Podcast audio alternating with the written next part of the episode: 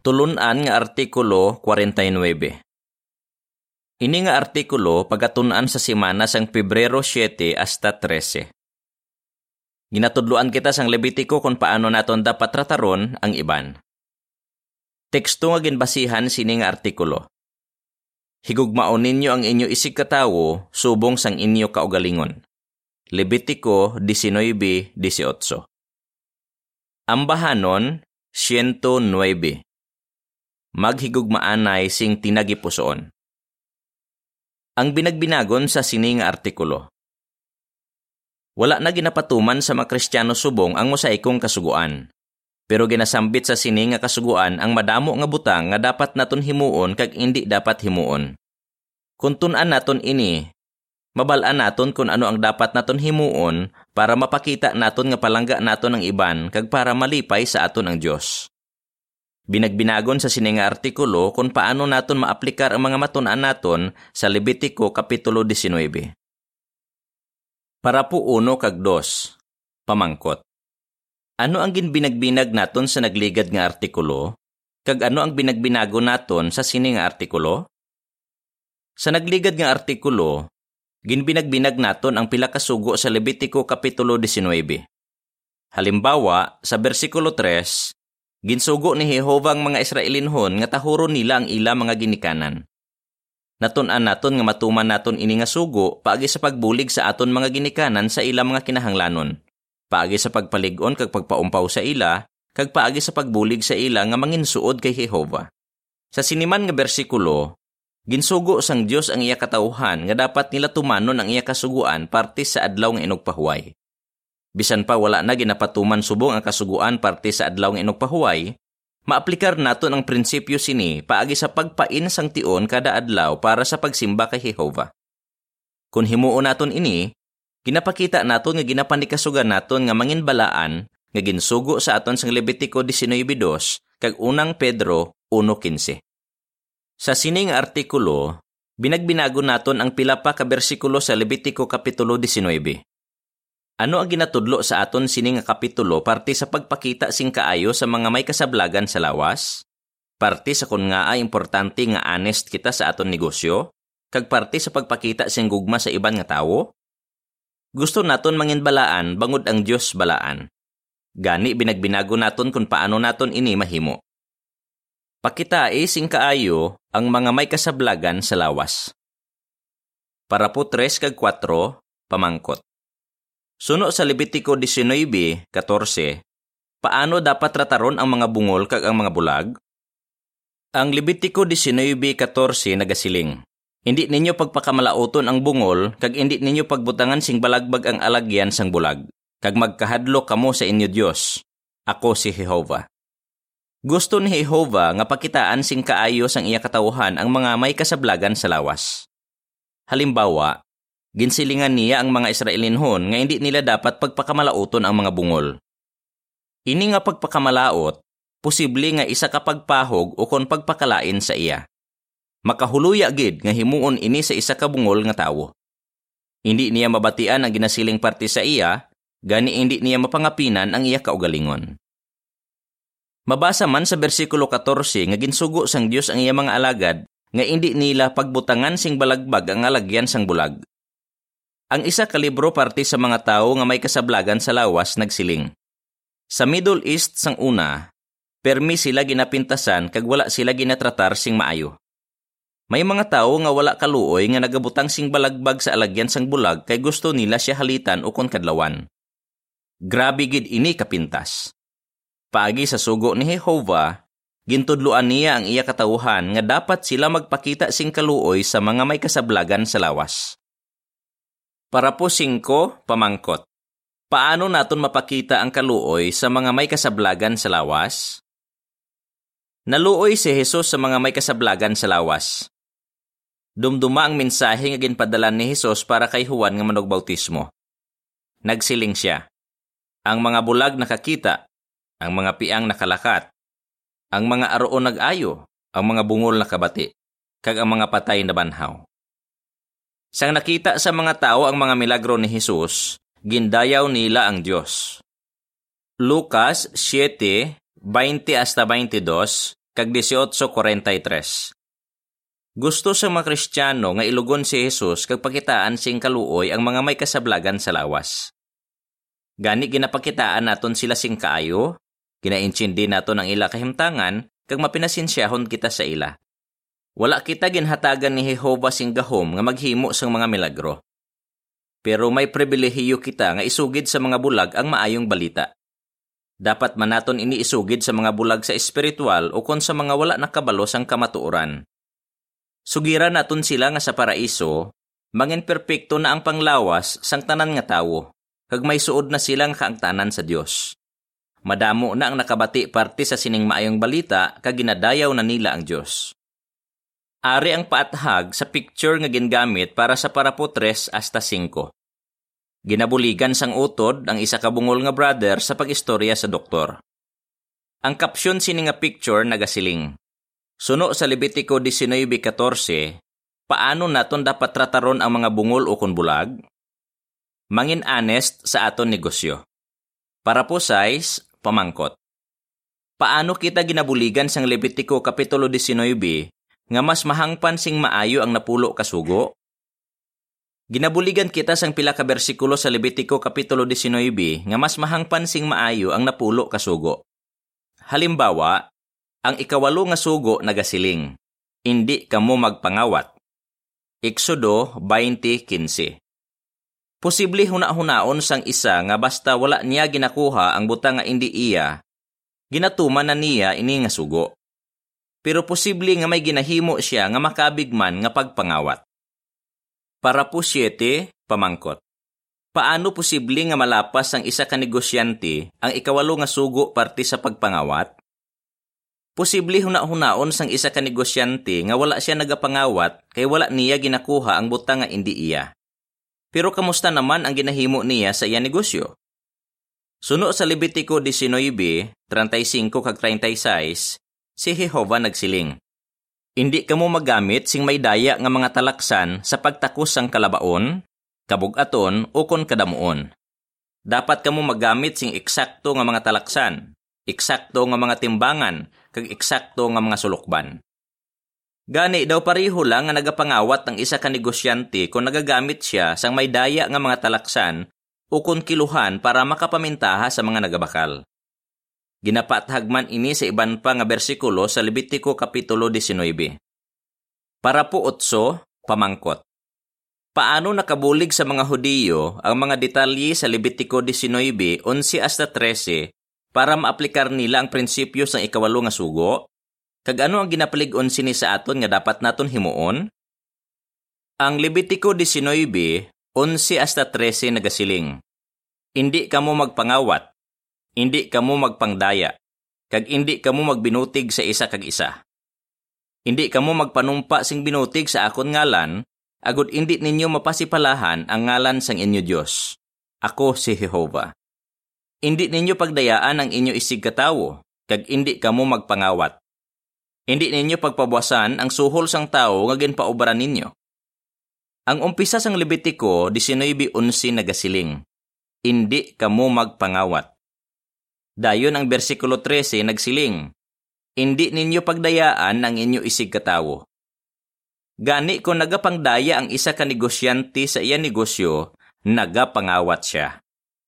Ang ikawalo nga sugo nagasiling nga sala ang pagpangawat.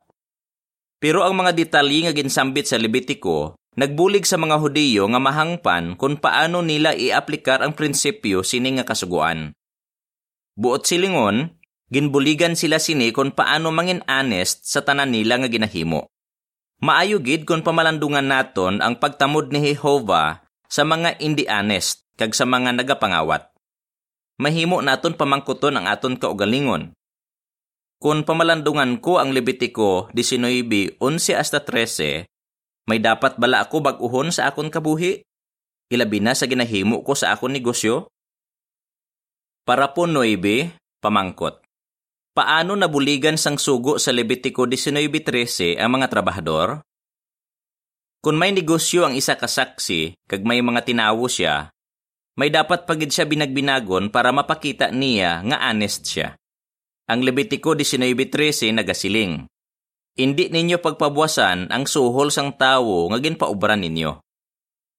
Sa Israel, nagaobra sa uma ang kalabanan nga tawo, kag ginasweldohan sila kada adlaw pagkatapos ang ila obra. Kung hindi pagsweldohan ang trabahador sa sina nga adlaw, wala siya sing kwarta para ibakal sang pagkaon para sa iya pamilya. Si Jehova nagsiling, Pigado siya kag ang suhol sa iya amo lang ang ginasaligan sang iya kabuhi. Deuteronomio 24, 14 kag 15. Para po Jess, pamangkot. Ano ang matun-an naton sa Levitico 19.13? Subong, madamo nga empleyado ang nagabaton sang ila sweldo kada tapos bulan o kon kada kinsinas, hindi kada adlaw. Pero, naaplikar gihapon subong ang prinsipyo sa Levitico 19.13 may pila ka negosyante o kon amo nga nagapamintaha sa ila mga empleyado. Mas manubo ang ginahatag nila nga sweldo sang sa nagakadapat sa obra sang ila mga empleyado. Kabalo sila nga hindi man maghalin ang mga empleyado kay kinahanglan gid nila ang obra. Kung ginahimo nila ini, daw pariho lang nga ginapabuwasan nila o kon wala nila ginahatag ang suhol sang tawo nga ginapaobra nila. Dapat gid ini pamalandungan sang isa ka negosyante nga saksi nga may mga tinawo. Binagbinago naman naton kung ano pa ang matun-an naton sa Levitico Kapitulo 19. Ari ang patahag sa picture nga gingamit para sa parapuot so hasta 10. Ginahatag sang brother nga nagapangontrata sa pagpaminta ang sweldo sa iya empleyado. Ang kapsyon sini nga picture nagasiling. Base sa Levitico 19, 11 hasta 13, ano ang dapat ipamangkot sang isa ka Kristiyano sa iya kaugalingon parti sa ginahimo niya sa iya negosyo? Higugmao nato ng iban subong sang aton kaugalingon. Para po 11 kag 12, pamangkot. Sang ginkutlo ni Hesus ang Levitico 19, 17 kag 18, ano ang ginhatagan niya sang importansya? Gusto sang Dios nga hindi naton paghalitan ng iban pero may ginapahimo pagid siya sa aton. Mabasa naton ini sa Levitico 19, 17 kag 18. Ini nagasiling. Hindi ninyo pagdumtan sa inyo tagipusoon ang inyo utod. Dapat ninyo sawayon ang inyo isig katawo, agod hindi kamo makasala upod sa iya. Hindi kamo magtimalos o kung maghinakit sa mga anak sang inyo katawhan, kag higugmaon ninyo ang inyo isig katawo subong sang inyo kaugalingon. Ako si Jehova. Talupang da ining maathag nga sugo. Higugmaon ninyo ang inyo isig katawo subong sang inyo kaugalingon. Dapat inihimuon sang isa ka Kristiyano kung gusto niya nga malipay sa iya ang Dios. May ginsiling si Jesus nga nagapakita nga importante gid ang sugo sa Levitico 19:18. Ginpamangkot si Jesus ang isa ka Fariseo. Ano bala ang pinakaimportante nga sugo sa kasugoan? Nagsabat si Jesus nga ang nahauna kag pinakaimportante nga sugo amo ang higugmaon si Jehova sa bugos naton nga tagipusoon, sa bugos naton nga kalag, kag sa bugos naton nga hunahuna. Dayon ginkutlo ni Jesus ang Levitico 19:18 kag nagsiling siya. Ang ikaduha nga kaangay man sini amo ini. Higugmaa ang imo isig katawo subong sang imo kaugalingon. Mateo 22:35 hasta 40. Madamo sing paagi para mapakita naton nga ginhigugman naton ang aton isig katawo. Matun-an naton sa Levitico Kapitulo 19 ang pila sa sini. Para po 13, pamangkot. Paano makabulig ang kasaysayan ni Jose sa Biblia para mas mahangpan naton ang Levitico 19:18? Ang isa ka paagi para mapakita naton nga ginahigugman naton ang aton isig katawo, amo ang pag-aplikar sang sugo sa Levitico 19:18 ini nagasiling. Hindi ka mo magtimalos o kung maghinakit. May mga tao nga nagahinakit sa ila kaupod sa ulubrahan, sa ila schoolmate, sa ila paryente o kung sa miyembro sang ila pamilya. Ang iban gani sa ila tinuig na nga nagahinakit. Madamo sa aton ang may nabalaan nga amo sini nga mga tawo. Dumduma nga bangod sang paghinakit kay Jose sang napulo niya kautod sa amay, ginhimuan nila siya sing malain. Pero sang may kahigayunan si Jose nga magbalo sa ila, wala niya sila ginhimuan sing malain. Sa baylo, naluoy siya sa ila. Wala naghinakit si Jose. Ginhimo niya agin sulat sang ulihi sa Levitico 19.18. Para po 14, pamangkot. Nga ama siling naton nga dapat naton gihapon tumanon ang mga prinsipyo sa Levitico 19.18? Kung gusto sang isa ka Kristiyano nga malipay sa iya ang Diyos, dapat niya ilugon si Jose. Wala siya nagbalo sa iya utod kag ginpatawad niya sila. Amo man ini ang ginsiling ni Jesus sa iya gintudlo nga pangamuyo sang nagsiling siya nga dapat naton patawaron ang mga nakasala sa aton. Ginlay gayan man ni Apostol Pablo ang iya mga kauturan. Hindi kamo magtimalos, mga hinigugma. Roma 12.19 Ginpaligon man niya sila. Padayon nga batasan ninyo ang isa kag isa kag magpinatawaray kamo sing kinabubuton bisan pa ang isa may rason nga magreklamo sa isa. Kolosas 3.13 wala nagabag-o ang mga prinsipyo ni Jehova. Dapat naton gihapon tumanon ang mga prinsipyo nga ginbasihan sang sugo sa Levitico 19:18. Para po 15, pamangkot. Ano nga ilustrasyon ang makabulig sa aton nga mahangpan nga importante nga patawaro naton ang nakasala sa aton kag kalimtan ang iya sala? Binagbinaga ini nga ilustrasyon. Daw pareho sa pilas ang paglain sang buot. May gamay kag dako nga pilas. Halimbawa, posible nga mapilasan ang aton tudlo kung nagakihad kita sang utan. Masakit gid ini. Pero gamay lang ini nga pilas. Gani madasig lang ini mag-ayo. Pagligad sang isa o kung duha ka adlaw, posible nga malipatan na naton nga napilas gali kita. Sing kaanggid, posible nga mahimuan kita sang iban sang gamay nga mga sala. Halimbawa, Posible nga may masiling o kon mahimo ang aton abyan nga makapalain sang aton buot. Pero mapatawad ba naton siya dayon? Pero kung dako kag madalom ang pilas, posible nga kinahanglan ini tahion sang doktor kag butangan sang bindahi.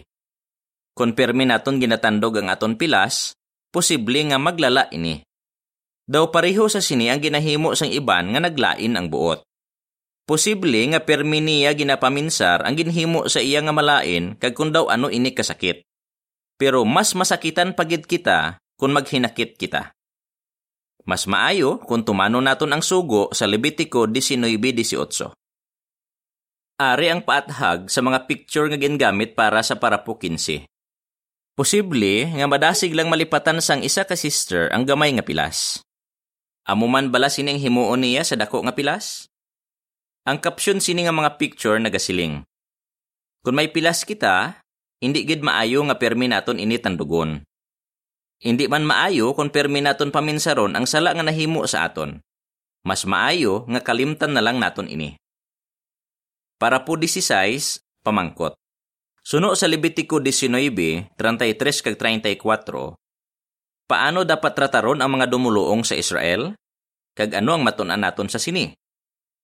Sang ginsugo ni Jehova ang mga Israelinhon nga higugmaon nila ang ila isig katawo, hindi buot silingon sini nga ang pareho lang nila nga Israelinhon ang ila higugmaon.